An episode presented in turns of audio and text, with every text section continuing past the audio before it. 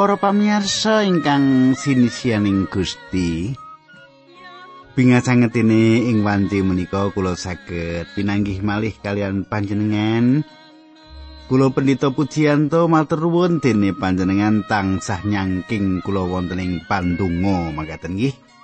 Menika mujudaken satunggalipun pasderekan donga dinungo bangun binangun nggih. Supados iman kita kandel wonten ing asmanipun Gusti Yesus makaten nggih. Nah kateng kula kados padatan kula badhe sesarengan kalian panjenengan wonten ing adicara margi utami. Kala semanten kathah sederek kawula ingkang nyuwun supados bahasanipun dipun keramakaken kemawon Pak Puji. Ngaten nggih. Mboten ngoko wah raosipun mboten sekeca menawi ngoko.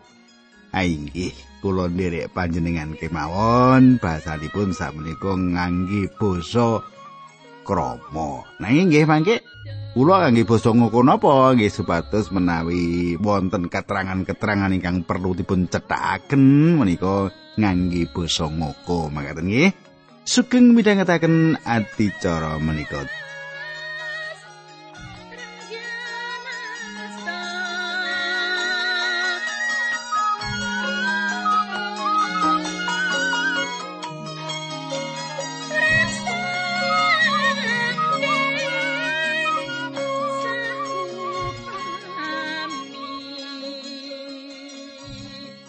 Para pamirsa menapa panjenengan tasih kemutan?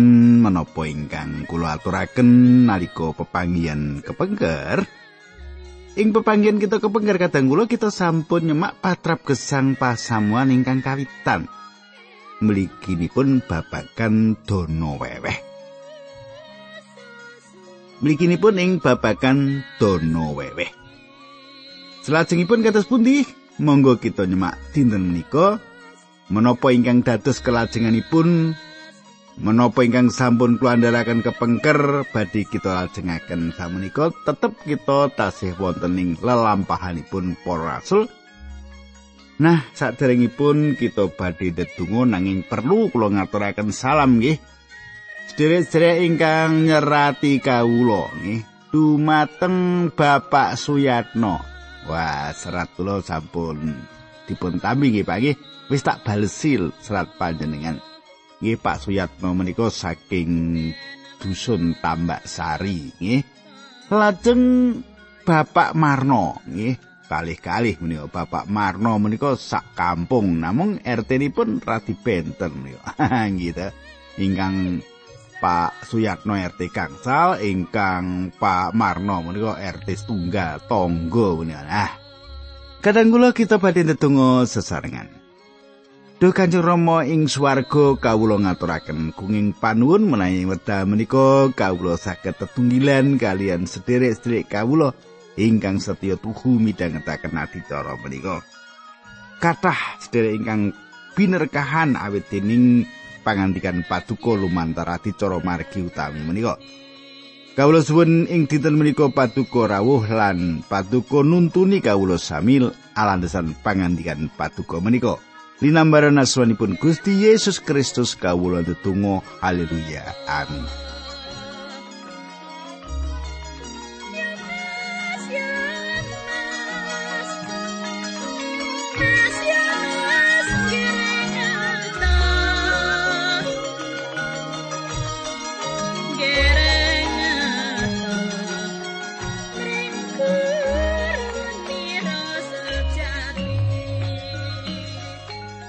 Para pamirsa, panjenenganing wanci menika kula dherekaken nyemak kitab Para Rasul. Nggih, kitab Para Rasul. Nah, monggo panjenengan pika wonten ing Para Rasul bab gangsal. Nggih, kita pika Para Rasul bab gangsal. Dados panjenengan samenika kula dherekaken sinau naliti ayat mboko ayat saking Para Rasul bab gangsal wiwit ayat setunggal. Makaten suraosipun, ing pasamuan kono ana wong jenenge Ananias lan bojone jenenge Safira. Ananias mau ngedol palemahane dumugi mriki riyin nggih. Para pamirsa, cetha bilih tiang kalih menika nulodo menapa ingkang dipun tindakaken Barnabas. Tiang kalih menika nulodo menapa ingkang dipun tindakaken Barnabas? Tiang kalih menika ningali bilih Barnabas nampi pikurmatan lan tiang kalih menika gadah pikiran. Bilih sae sanget menawi piyambakipun ugi pikantuk jinis pikurmatan ingkang kados makaten menika ingkang kados dipun lampahi Barnabas. Wategu medhe tasih ngalimputi manahipun manungsa e wekdal semanten lan inggih menika raos ingkang nguwaosi Ananias lan Sapira rasa gumedhi sombong Nah kata ayat kali Makaten surasipun nanging sadurunge pepayone mau dipasrahake marang para rasul sing saperangan diuntet. Tindake sing mengkono mau kanthi sarujuke bojone liyane dipasrahake marang para rasul. Sederek kula. Mboten wonten lepatipun tiang kalih menika nyimpen saperangan saking hasil anggenipun nyati tanahipun. Arto menika darbeipun lan tiang kali menika gadah hak nindakaken menapa kemawon gegayutan kalian artanipun menika. Nanging ingkang dados dosanipun tiang kalih menika inggih menika ngapusi. Apus-apus. Tiang kali kalau sanjang bilih piyambakipun sampun ngaturaken sedaya arto hasil saking anggenipun nyadi tanahipun. Kamangka tiang kalih menika tasih nurahaken nyisakaken kangge sinten? Kangge kepentinganipun piyambak. Nguntet. Nah kata kula menapa panjenengan ugi kados mekaten asring nguntet? Pisung sengingkang dipun pisungsungaken Gusti nggih. Aja nganti ya ayat 3 nanging Rasul Petrus ngendika Ananias atimu kok oleh dikuasani dening iblis?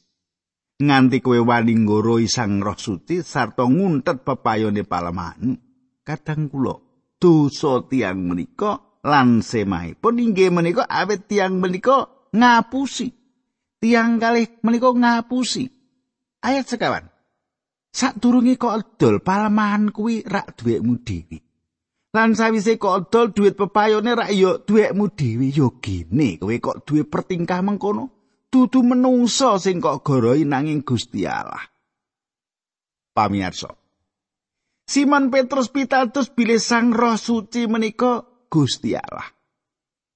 Kawitan piyambakipun sanjang Ananias, atimu kok oleh dikuasani dening iblis nganti kowe wani nggoroi Sang Roh Suci. Salajengipun Simon Petrus sanjang tutu menungso sing kok goroi nanging Gusti Allah. Sang Roh Suci menika Gusti Allah. Ayat gangsal. Bareng krungu pangandikan mengkono mau Ananias terus ambruk mati temah sake wong sing krungu bab lelakon kuwi padha dibanget.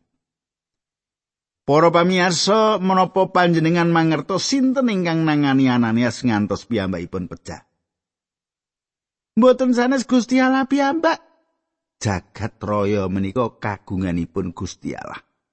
kita menika titah ingkang dipun titahaken. Gusti Allah saged kemawon mundut badan kita kapan kemawon panjenenganipun ngersakaken.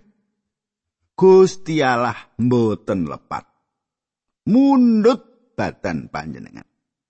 Lelampahan menika satunggalipun patrap njejekaken disiplin ing salebetipun gereja. Gusti Allah piyambak ingkang gadah tanggal jawab atas patinipun Ananias lan Sapira. kula lajengaken maos kula lampahanipun para rasul bab gangsal ayat 6 nganti 9 makaten surasipun.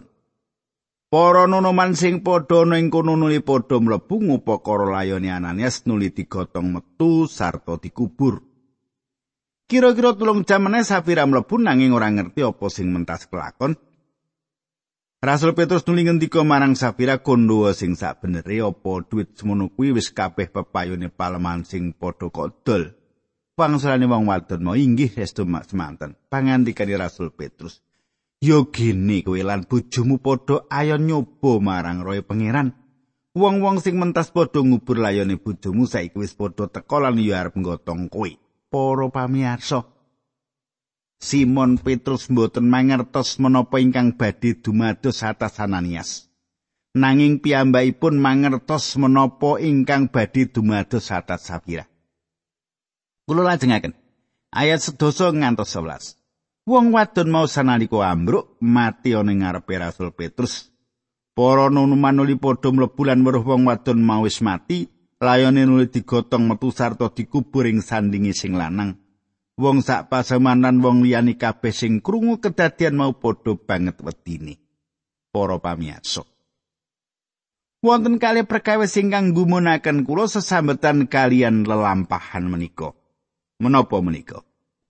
Kasunyatan ingkang kawitan bilih patrap goroh. Patrap goroh kados ingkang dipun tindakaken tiang kalih menika saged dumados wonten ing gereja ingkang kawitan. Patrap ingkang kados mekaten menika satunggalipun panerak kasucen gesang ing salebetipun gereja. Ananias lan Sapira sinaosa tiang kalih menika sampun kawilujengaken tiang kalih menika ngapusi dumateng Sang Roh Suci lan tundhonipun dipun singkiraken saking masyarakat tiang pitados.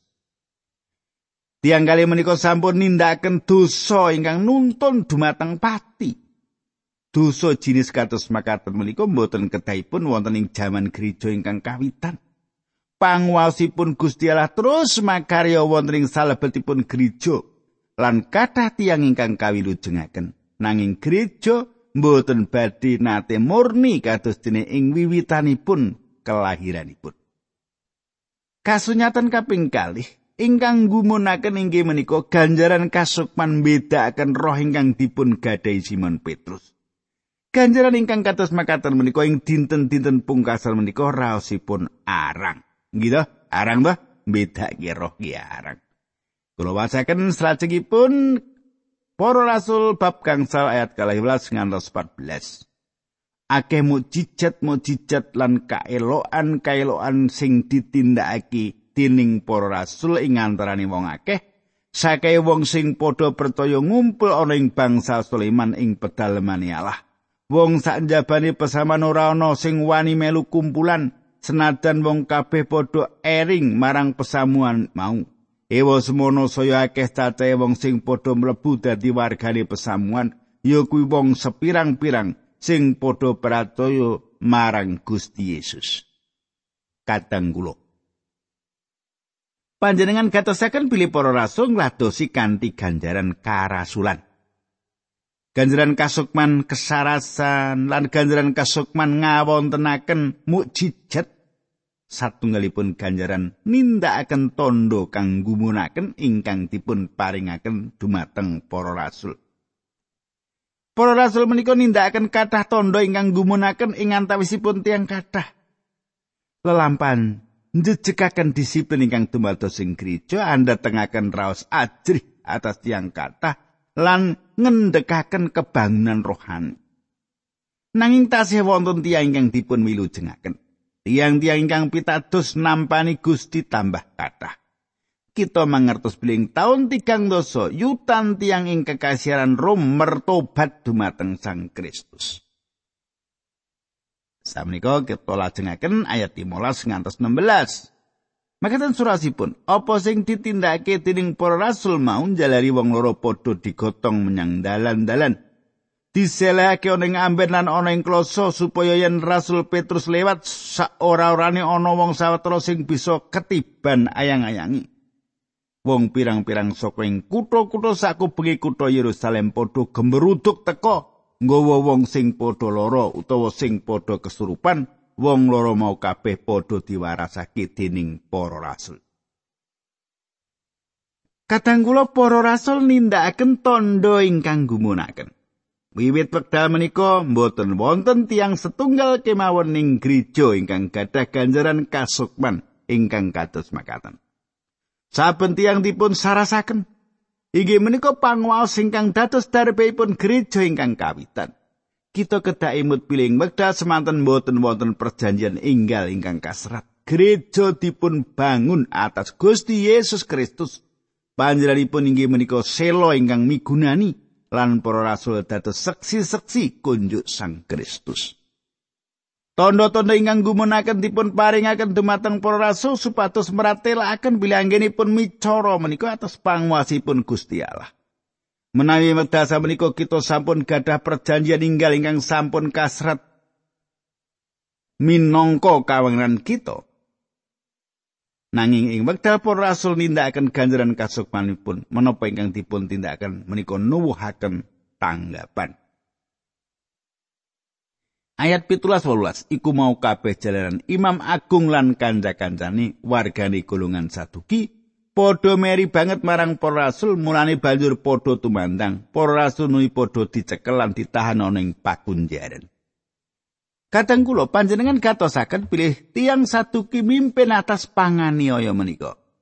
Rumiyin tiang Farisi kang mimpin kangge nganiaya dumateng Gusti Yesus. Lan salajengipun tiang satu ingkang mimpin nganiaya dumateng gereja ingkang kawitan. Ing mriki kadang kula para rasul dipun tahan ingkang kaping kalipun lan dipun lebetaken ing pakunjaran. Lajeng kula terusaken ayat 19 ngantos kali dosa makaten surasipun. Nanging bengi kuwi uga ana malaikate pangeran sing buka lawang-lawange pakunjaran sarta ngirit para rasul metu saka ing kono. Malaikat mau ngendika marang para rasul. Padha lunga lan ngadeg ana ing pedalamane Allah lan wulangno marang masyarakat samubarang sing magepokan karo urip anyar. Kadang kula ing jaman perjanjian lami, malaikatipun Gusti inggih menika mboten sanes Sang Kristus ingkang dereng manjalma. Nanging samenika Sang Kristus inggih menika manungsa ing salebetipun kamulyan ingkang lenggah ing sisih kananipun Sang Rama lan panjenenganipun ingkang mimpin ingkang dipun tindakaken para rasul kagunganipun. Jaman samenika emanipun tiang tiang gereja mboten madosi panjenenganipun ing salebetipun jagat menika.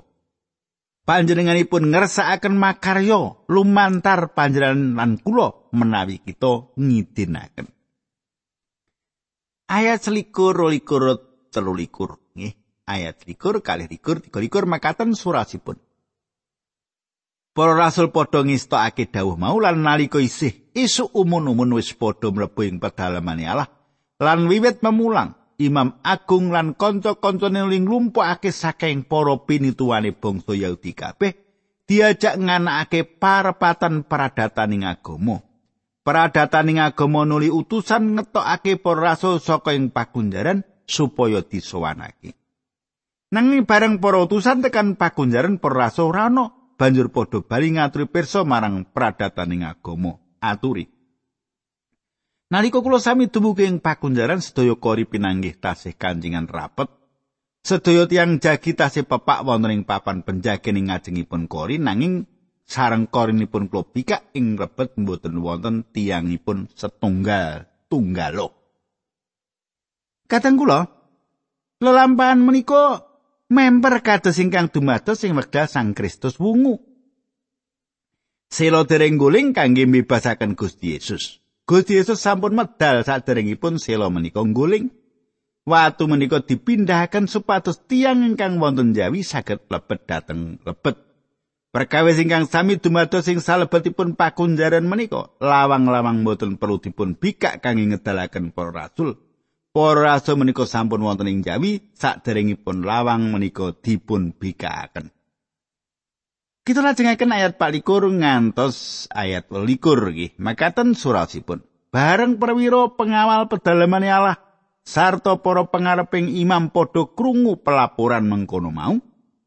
Nuli padha delek-delek gagasan lakon sing dialami dening para rasul ing pakunjaran mau.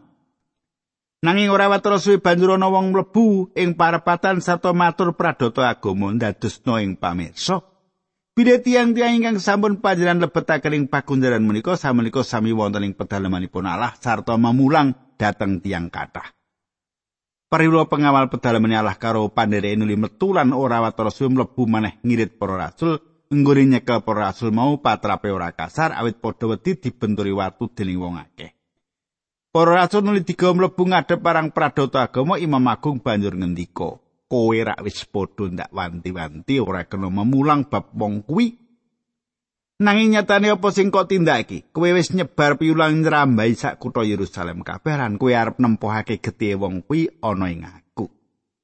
Kadang kula tiang-tiang mirengaken khotbah para rasul. Tiang-tiang menika inggih menika seksi-seksi ingkang sae. Gusti Yesus sampun ngendika bilih Injil kedah dipun gelaraken kawitan ing Yerusalem Kita semak bilih perkawis menika sampun dipun tindakaken. Kowe wis nyebar piwulang nyrambai sak kutha Yerusalem kabeh. Ayat 29. Rasul Petrus lan Rasul siji mangsuli kita kedah langkung bangun turut dateng Gusti Allah ketimbang dateng manungsa. Kadang kula para rasul bangun turut menapa ingkang dipun dawuhaken Gusti lan gurunipun. Tiang-tiang pitados dipun dawuhi supados bangun turut dumateng pemerintah kejawi menawi lelawanan kalian dawuhipun Gusti Allah. Ayat 3 dosa. Alaipun leluhur kita sampun nangekaken Gusti Yesus sasampunipun panjenengan sedani srana kapentang ing kajeng salib. Kadang kula Gusti Yesus Kristus dipun gantung wonten ing kajeng salib. Kayu ingkang kangge gantung Gusti Yesus menika sanes balok kajeng ingkang indah lan alus damelanipun kanthi palangipun kados ingkang kita asring tingali wedha menika. kayu menika inggih menika awujud wit-witan kang diketok. Ayat tigang dosa setunggal ngantos tigang dosa kalih makaten surasipun. Inggih Gusti Yesus menika ingkang sampun sinengkaaken ing ngaluhur dening Gusti Allah piyambak. Tuwin kaparingan pangwasa kadadosaken panuntun sarta juru wilujeng supados bangsa Israel angsal wewengan bertobat sarta angsal pangapuntening dosa. Tumrap perkawis menika sedaya. Kula sami dados seksinipun. Inggih kula sarta sang roh suci ingkang kaparingaken dhateng sedaya tiyang kang bangun turut dhateng panjenenganipun.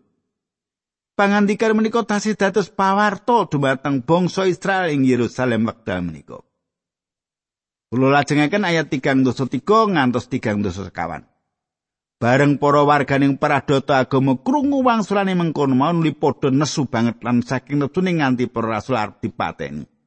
Nanging ana sawijining wong Farisi jenenge Gamaliel ahli Taurat sing kajen banget ana ing masyarakat. Gamaliel manuli ngadeg lan njaluk supaya para rasul padha didawi metu sedilo. Kadang kula Gamaliel gadah kekajengan supados para rasul dipun apunten inggih awis saking menika piyambakipun nyuwun sanget wicatenan kalian Mahkamah Agung Yahudi. Gamaliel menika satunggalipun pengajeng ingkang kajen keringan. Ayat tigang dosa gangsal ngantos tigang dosa wolu. Lampain rasul bab gangsal makaten.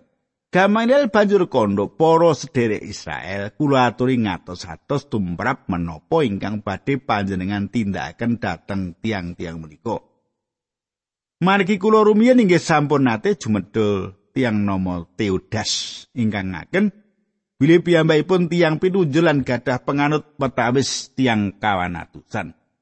Piyambakipun lajeng dipun pejahi lan para panganutipun sedaya sami buyar temaan gerakanipun Teudas wau sirep.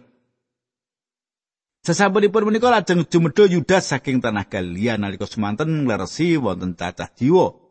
Kathah tiyang ingkang tumut dhateng pemberontakanipun piyambakipun ugi dipun pejahi lan sedaya panganutipun buyar.